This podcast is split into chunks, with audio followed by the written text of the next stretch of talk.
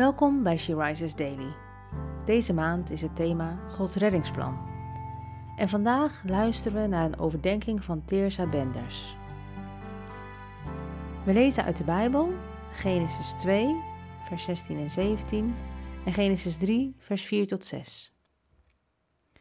En de Heere God gebood de mens: Van alle bomen van de hof mag u vrij eten, maar van de bomen van de kennis van goed en kwaad, daarvan mag u niet eten, want op de dag dat u daarvan eet, zult u zeker sterven.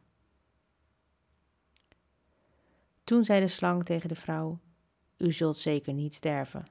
Maar God weet dat op de dag dat u daarvan eet, uw ogen geopend zullen worden en dat u als God zult zijn, goed en kwaad kennend. En de vrouw zag dat die boom goed was om ervan te eten en dat hij een lust was voor het oog. Ja, een boom die begerenswaardig was om er verstandig door te worden. En zij nam van zijn vrucht en at. En zij gaf ook wat aan haar man, die bij haar was, en hij at ervan.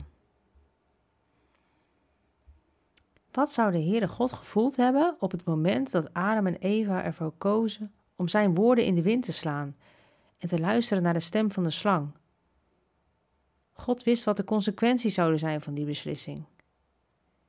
Iedere dag opnieuw worden ook wij ermee geconfronteerd. We kampen met ziekte, met pijn en gemis. We leven in een wereld die niet is zoals onze schepper het bedoeld had. En toch mogen we iedere dag opnieuw herinnerd worden aan hoeveel God van ons houdt.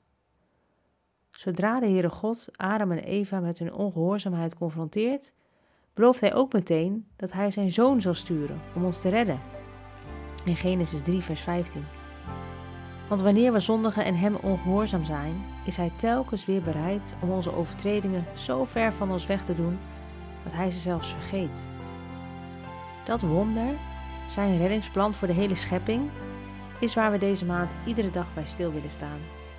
Want de Heer Jezus is gekomen om ons weer een weg te banen naar de Vader. Vader, dank u wel voor uw reddingsplan. Dank u voor de komst van de Heer Jezus en dat ik mag leven als een dochter van u dankzij het offer van de Zoon. Vergeef alstublieft telkens weer de zonde die ik bega.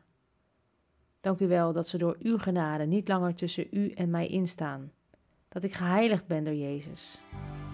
Leer me om steeds meer te worden zoals Hij. Je luisterde naar een podcast van She Rises. She Rises is een platform dat vrouwen wil bemoedigen en inspireren in hun relatie met God. We zijn ervan overtuigd dat het Gods verlangen is dat alle vrouwen over de hele wereld Hem leren kennen. Kijk op www.she-rises.nl voor meer informatie.